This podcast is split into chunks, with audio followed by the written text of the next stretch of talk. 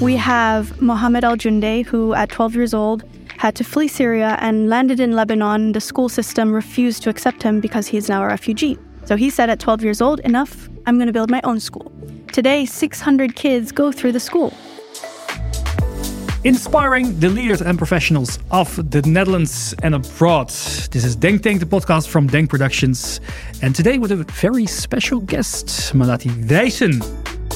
So good to have you here with us today. Thank you so much for having me. I'm so excited to be here and to go into the conversation. Yeah, Hans Melati is a wonderful international keynote speaker, and she's also speaking at the Amsterdam Business Forum in September. Yes. And um, yeah, you know all about the story.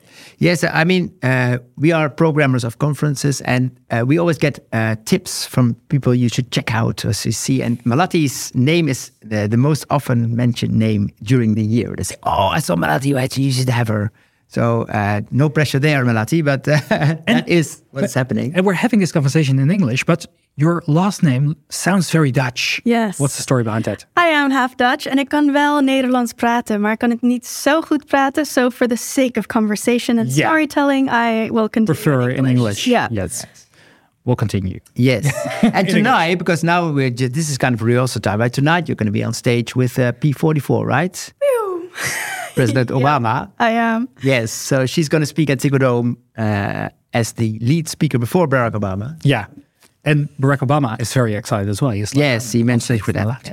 Wow. Oh my goodness. I'm freaking out, but I'm so excited and uh, yeah, really looking forward to seeing what will happen on stage. Yeah, Melati, you have such an interesting background. You live in Bali. And I think that's also where your origin story starts, the story where you're famous from today. At age 12, you started an initiative uh, with your sister Isabel called Bye Bye Plastic Bags. What can you tell us about that? Well, uh, have you ever been to Bali before? Definitely. Yeah. So, you know, you picture Bali, you're getting, you're on your way to Bali and you think, oh, I'm going to have a holiday at this picture perfect, beautiful paradise island, beautiful rice fields, beaches, rivers.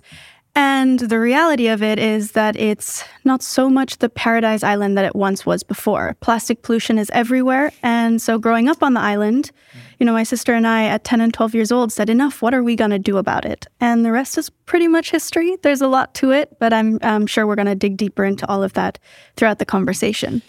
Yes, but then uh, I, I mean, I also have kids of ten and twelve. You're a bit older now, but they when they see something, they complain about it, but they don't take action. yeah. What did you do? Because actually, to go to the end of that story, you made it possible that single-use plastic bags are banned in Bali and all of Indonesia in yeah. Bali. So this yes. was, you know, the the movement Bye Bye Plastic Bag started in 2013 with a clear vision of making the island plastic bag free, mm-hmm. and in 2019 only mm-hmm. the ban mm-hmm. finally came into okay. place. And this was thanks to the effort of so many like-minded organizations. But the power we had was being young people at the forefront of leading this change. Mm-hmm. Right, every room we would go into, heads would turn. Uh, every meeting, government meeting, we would question and ask the difficult, big questions. So I think that this was really for us uh, the power that we had as 10 and 12 year olds. Mm. But going back to your question, you know, what, what was it actually that made the difference from a complaint to taking action? Mm-hmm.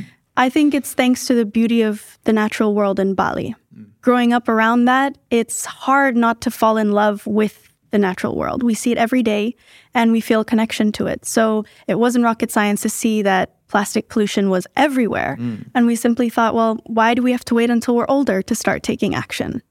You have the opportunity to speak at major international events. Yeah. You spoke for the National, uh, the United Nations General Assembly. You were at Davos um, uh, with the Big O himself mm. uh, on stage tonight.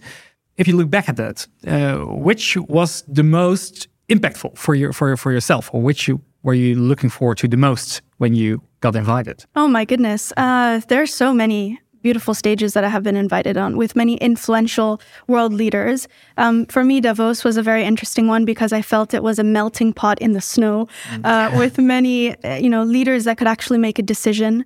Um, it was a space of intimate exchange, you know, through the dinners and the networking where I felt I could have a little bit longer than a press conference moment with mm. leaders.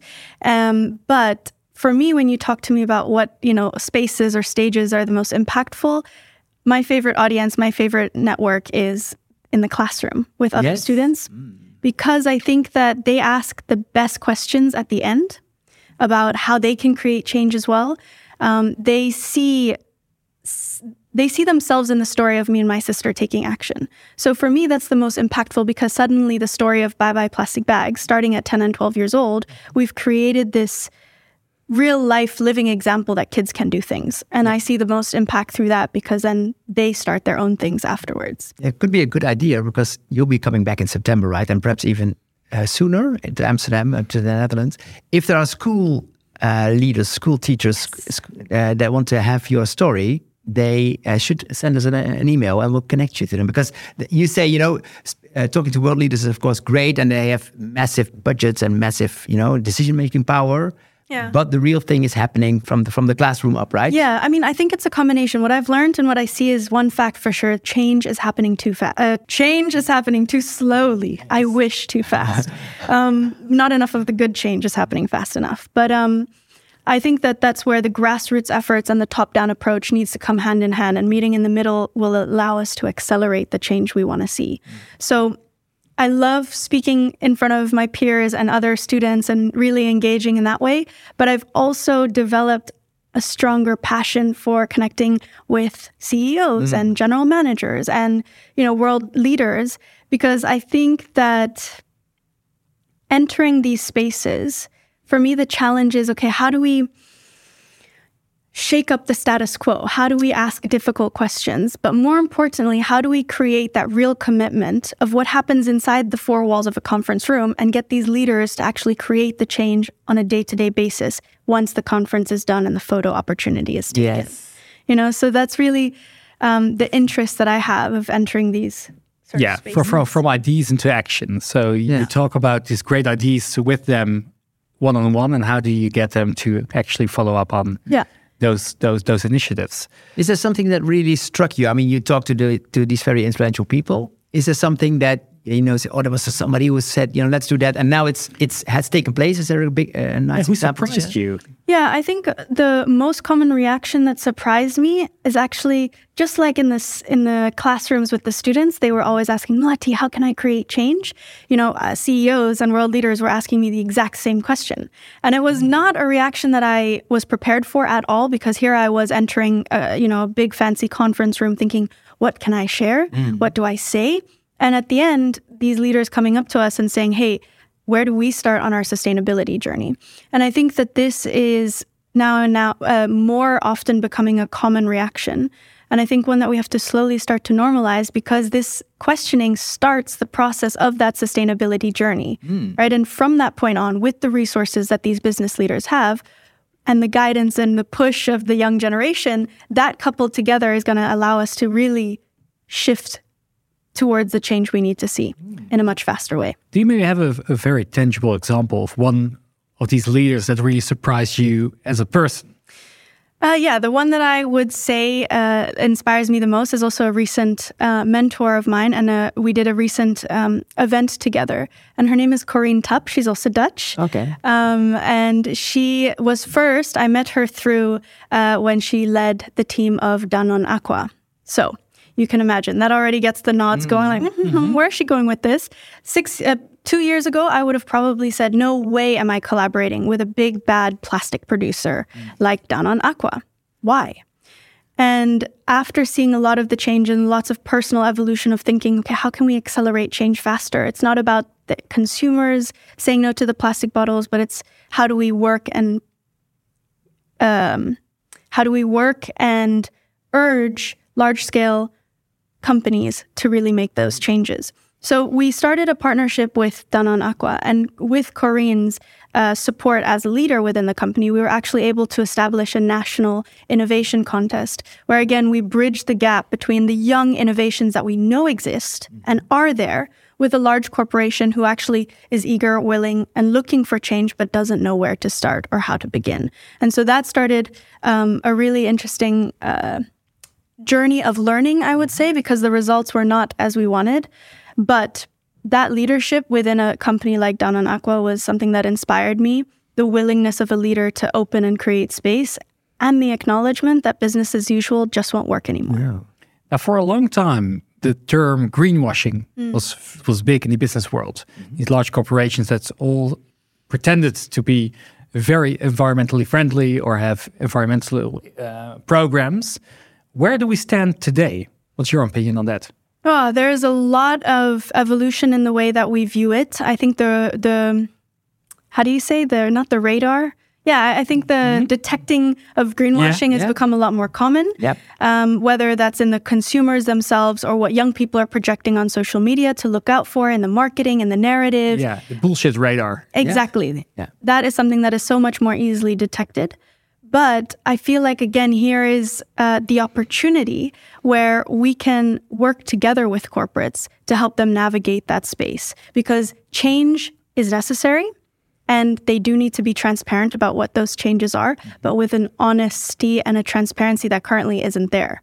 You know, and I think, oh, there's so much here to unpack. So I'm kind of thinking, where do I start here?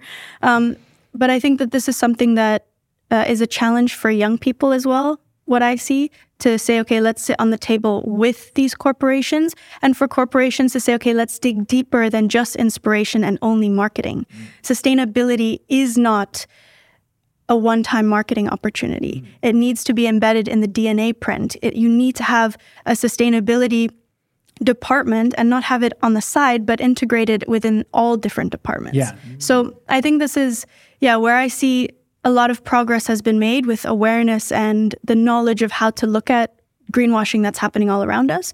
But I also see it as an opportunity to kind of still take it a step further from both the youth side as well as the company side. Yes. Maybe take a very tangible example. In, in the Netherlands, we have a very polarized discussion when it comes to Shell, for example, mm-hmm. the big oil firm, mm-hmm. where at one point people say their green energy initiatives are just uh, greenwashing on the pollution that they're creating. Mm. Other people say, well, it's good that they are investing and it's good yeah. that they are making changes. What's what's your opinion on, on, on that scale? Uh, I think that it's also where the frustration comes from is because these companies are using the narrative that they are doing enough. Mm which is what mm. we need mm. to start changing. It's a good step in the right direction, but it cannot be the finish line. There's so much more that needs to be done.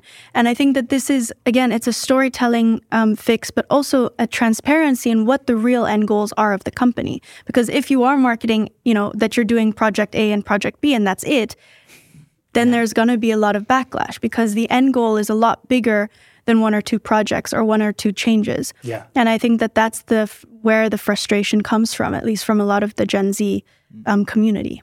Uh, what I also find striking is that uh, obviously, as, as I uh, listen to you, that uh, CEOs of big companies need a very young, inspiring, and enthusiastic person to open their eyes, right? Say, "Oh, we have to do this." so come on, have what? yeah, it's definitely a little bit of the challenge, the extra yes. push because I think we've gotten too comfortable in the way of life. And mm. I think also with what we experienced in the last two years of the pandemic and what that did, especially to students and not being in schools and the change of lifestyle, we look at these challenges and think, okay, how can we create opportunities out of them? How do we create circular systems? Because the current way of doing business doesn't, will not last us longer. Mm. And I think this is where um, we want to see that extra step being taken, you know, not only sustainability, but regenerative, right? So yeah. looking at how we can be sustainable from the source all the way through the end. A regenerative meaning not not not damaging the climate, but actually making it possible to regrow again, right? Correct. Yes. Yeah. Yeah. Now, in the Netherlands, we have, of course, our national hero, Boyan Slat, who is, uh, uh, with his ocean cleanup yes. initiative, is uh, really rocking uh, the environmental issues mm -hmm. in a good way. In a good yep. way.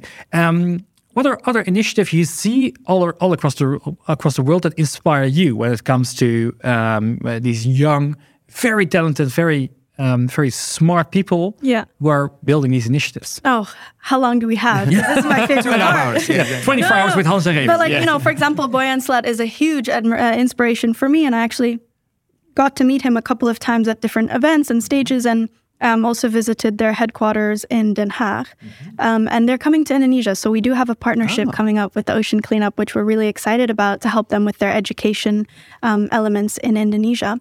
For me, what I've done over the last 10 years, starting at 12 and now being 22, mm-hmm. I've created this new program, this new project, Youthtopia. And that is where I find the biggest source of inspiration on a daily basis. We've built a network of over 250 changemakers um, from 50 countries between the ages of 12 and 25 years old. And all of these changemakers have their own projects and their own track record of change. We have Mohammed Al Jounde, who at 12 years old had to flee Syria and landed in Lebanon. The school system refused to accept him because he's now a refugee. So he said at 12 years old, enough, I'm going to build my own school. Today, 600 kids go through the school.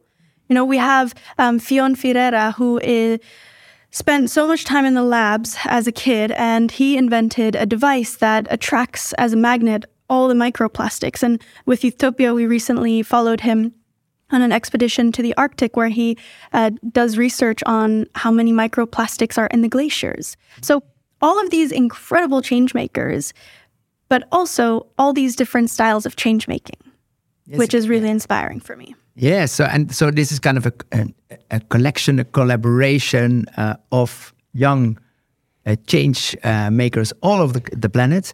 How do you inspire them to learn from each other and to exchange ideas and to get better at what they do, even though they're already pretty good as I yeah yeah and also get it into action because yes. the ideas are good and then how do you get other people yeah. to take action as well yeah so this network of the 250 change makers that have their own projects they're called the circle of youth mm-hmm. and at youthtopia we have a learning platform where other students, young people all around the world who say that question, hey, where do I get started? How do I become a change maker? They can come onto Youthtopia and learn from someone who's done it before. So we share the how through workshops, mm-hmm. through master classes, and through mentorship. Because I think it's so important not only to have the role models and know their stories of how they're creating change, but you yourself, how can you create change no matter where you are or how old you are? And that's the vision of Youthtopia to really create that space for young people to learn from each other. And now people are listening and have kids who maybe also want to make a difference. How can they contribute? Sign up to Youthtopia. now, I think for me, it's always, especially as parents, um, and I keep thinking my mom and dad should make a YouTube channel or write a book or something. yeah. Because there is a lot of um, interest and, um, you know, the like, what did you feed the kids? For oh, us, yeah. it was really like dinner table conversations, you know, that every day after school, we'd sit around the table and my parents would show genuine interest to how our day was. And that allowed us to develop the ability to articulate and to storytell. But the level of seriousness, for example, that you give to your kids is everything. Never speak down to them. It's not what my parents did. They always matched us with, okay, if that's your, um, if that's what you want, how are you going to get there? You know, and, and that seriousness allowed us to build the confidence to achieve anything. And from, you know, making a treehouse to organizing a village bazaar, organizing Bye Bye Plastic Bags was just another crazy idea that my parents was like, okay, well, what's the plan? And I think that that's, um, yeah, what I would always encourage parents watching to do to their kids. Yeah, all these young people. That's that's that's really wonderful. But we we discussed the topic of greenwashing, mm-hmm. and now there's a new phenomenon going around you call youth washing. What's that? Yes, youth washing is the new greenwashing. Um, you see this trend, especially in the last 10 years. You know, in 2013, when I started, you would say young people taking action. It would still be like, huh? You would turn heads and it wouldn't make headlines. And today, almost every single young person I talk to has an idea or has a project or is invited or was part of the program. So you get it. Young people are making their way into almost every room, which is great. But youth washing is about inviting young people only at a surface level. You know, the last thing that Gen Z wants is another stage, another applause, and that's it. Thank you for the inspiration. Yeah. So that's youth washing when there isn't a deeper level of engagement where you invite young people to hear about the roadmap. Yeah. You, how you're creating change. You make a few social posts, you lead, you lead them out, and you go on yeah. with your daily work. Yes. And, you know, of course, it comes from a place of because I, I don't think that there's a strong enough understanding of how to genuinely interact with young people. You know, CEOs are, oh my God, are we going to invite activists on stage? No, it, we're not all going to, you know, hold a megaphone or march to the streets. Again, there are different ways of change making. I think um, how we move past youth washing is to invite young people behind the scenes before asking them in front of the scenes. So spend an afternoon sharing the roadmap of how you're going to reach your sustainable targets and asking them questions how can we improve it? Um, you know have no recordings on a zoom discussion um, where you're discussing you know different challenges that you're having and brainstorming with young people inviting them to come and take lead with better narratives for the company or for the project.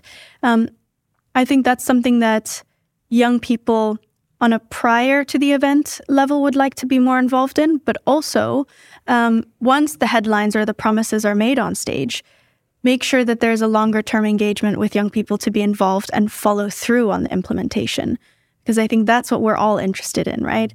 It's so easy to make these big promises nowadays because you know that your consumers are going to want this in the next future. If you're not jumping on sustainability now, it, you won't have a license to operate in the future. And it's as simple as that. Mm.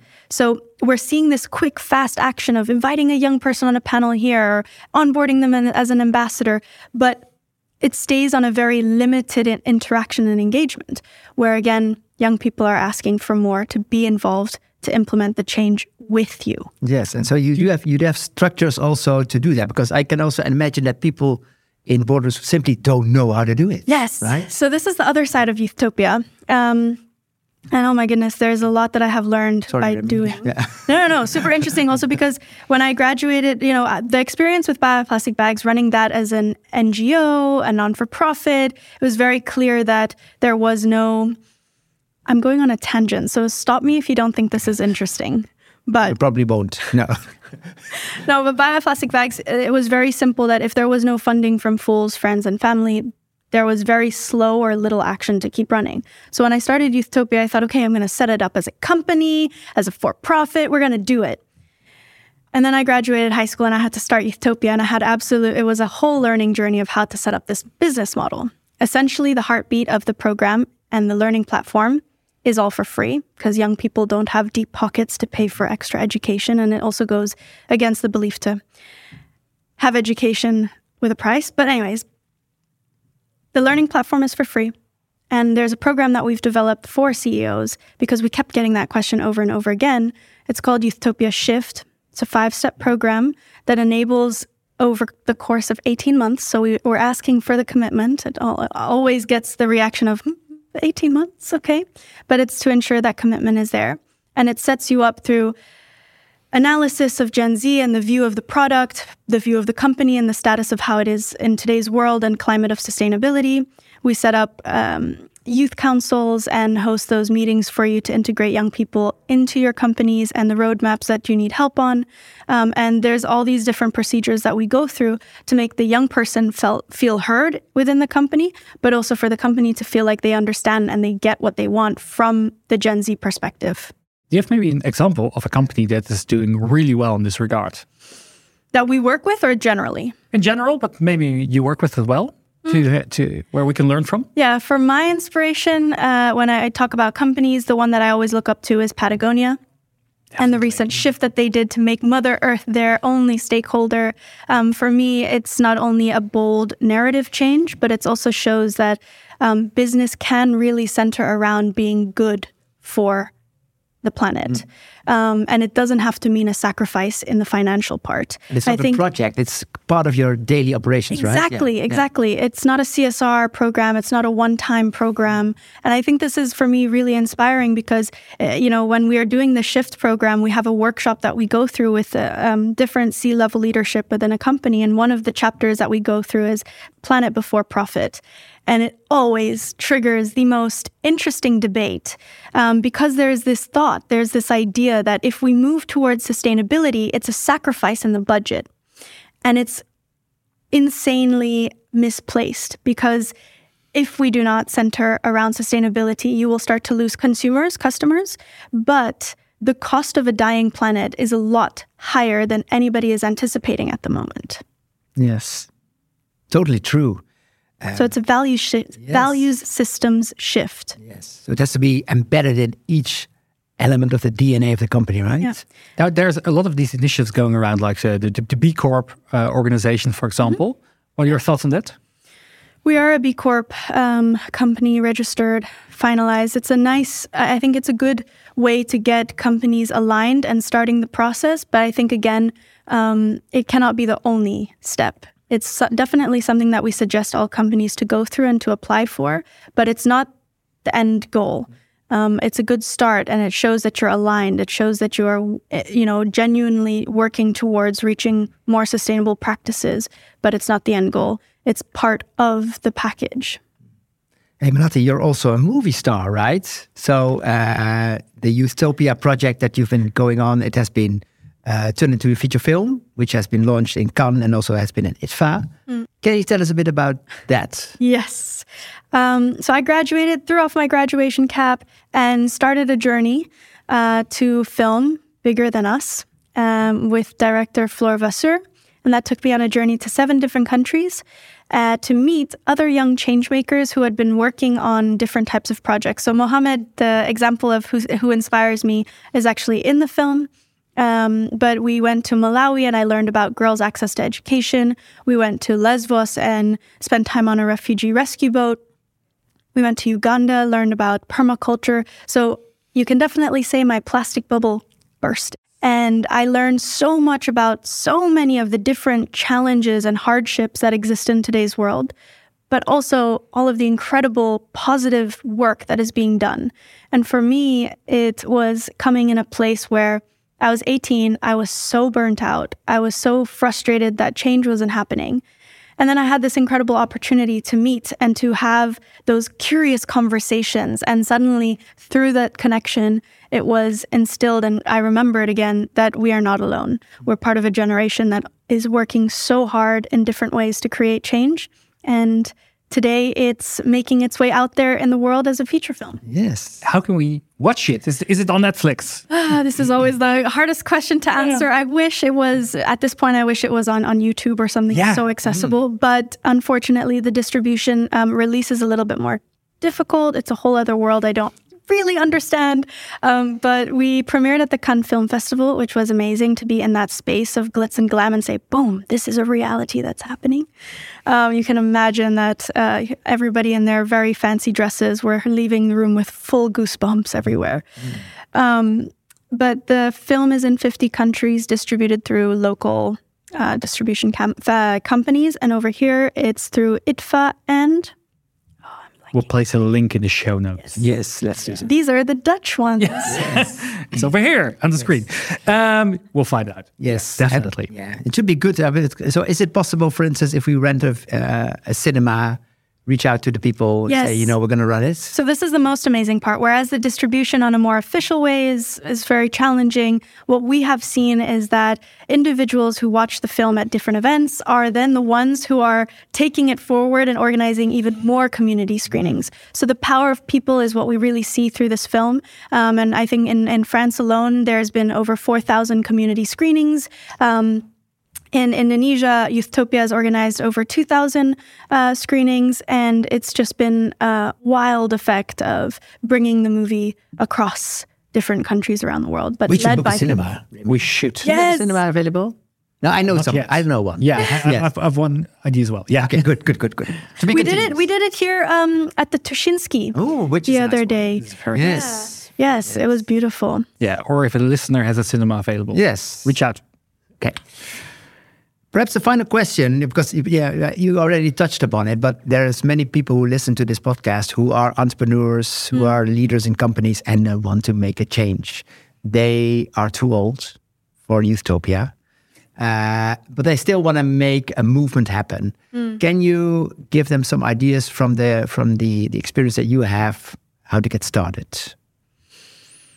I think for me, uh, there are a couple of things that I can share here. The first thing that comes naturally to mind, or what comes to mind right now, is uh, I was recently giving a workshop with different CEOs, and it was a full day workshop. And uh, it, the goal for me was to, you know, kind of boost the confidence of their um, leaders uh, to really make sustainability a thing that they were working on. And so the goal at the end was to, for them to come up with pitches and different, you know, starting plans of how they were going to focus on sustainability. And what I saw was a beautiful, very incredible, but very long and complicated wish list mm. of what the company was now going to do to be part of the sustainability journey. Yes, we love it, but focus. You cannot be everything to everyone. The biggest mistake that companies do, especially when it comes to working with young people, is thinking that they're going to suddenly become a change maker network. I'm like, stay focused. You are a bag company. You are a gym company. I don't know. You know, stay focused and focus on what within your industry is missing in the sustainability space. I think that that's something that we have to normalize more of and expect also more of, that not everyone can be everything to everyone. Um, so that would be my uh, number one tip on getting focused. For the second one, uh, once you get focused and once you have your end goal and you have that long term roadmap, it's also really important that you don't only think, you know, what am I going to achieve in the next three years or the five year business, you know, roadmap. What are you going to do this year and what are you going to do in the next three years, right? So with the focus, attach it to a timeline.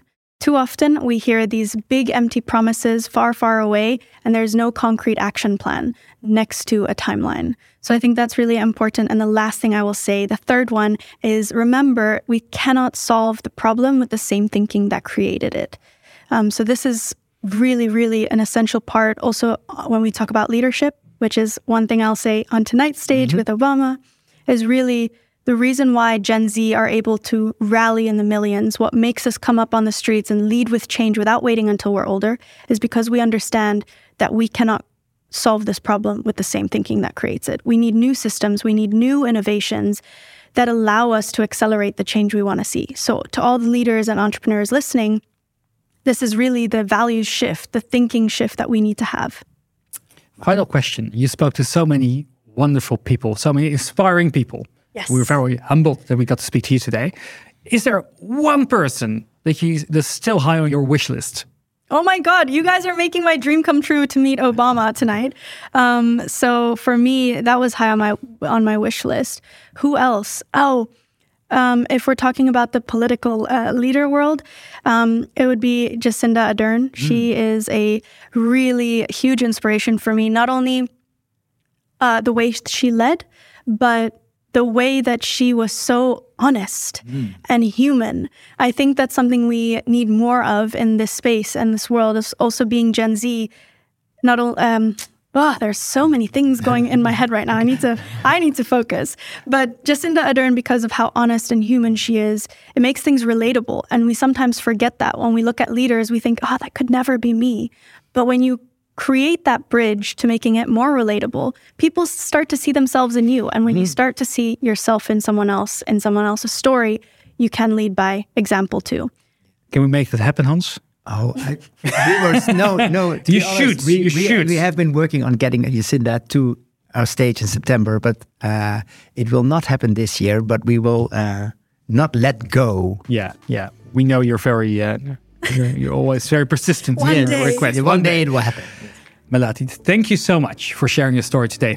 Good luck tonight on stage with Obama. Thank and you. We'll see you back in Amsterdam in September. Yes. yes. I'm so excited. We can still get tickets. Yes. So uh, what our ambition is, so we have people on the on the poster like Tim Ferriss and Erin Meyer that everybody perhaps will have a book of. But I also I'm I'm like a, a collectioner of brilliant speakers. And I also want to always want the people who are perhaps not less famous with their name or with their picture to be the surprise of the day. And um, I am quite confident to say that uh, Melati will be one of those people, but there will be more. Uh, and that's the fun of my work, right? To bring people to the stage that really deserve it. And I think Melati is uh, definitely one of those. Yeah. So if you want to join us in September for the Amsterdam Business Forum, go to denkproducties.nl. Thank you so much. Thank you so much for listening and for watching. I hope to see you next episode of DenkTank.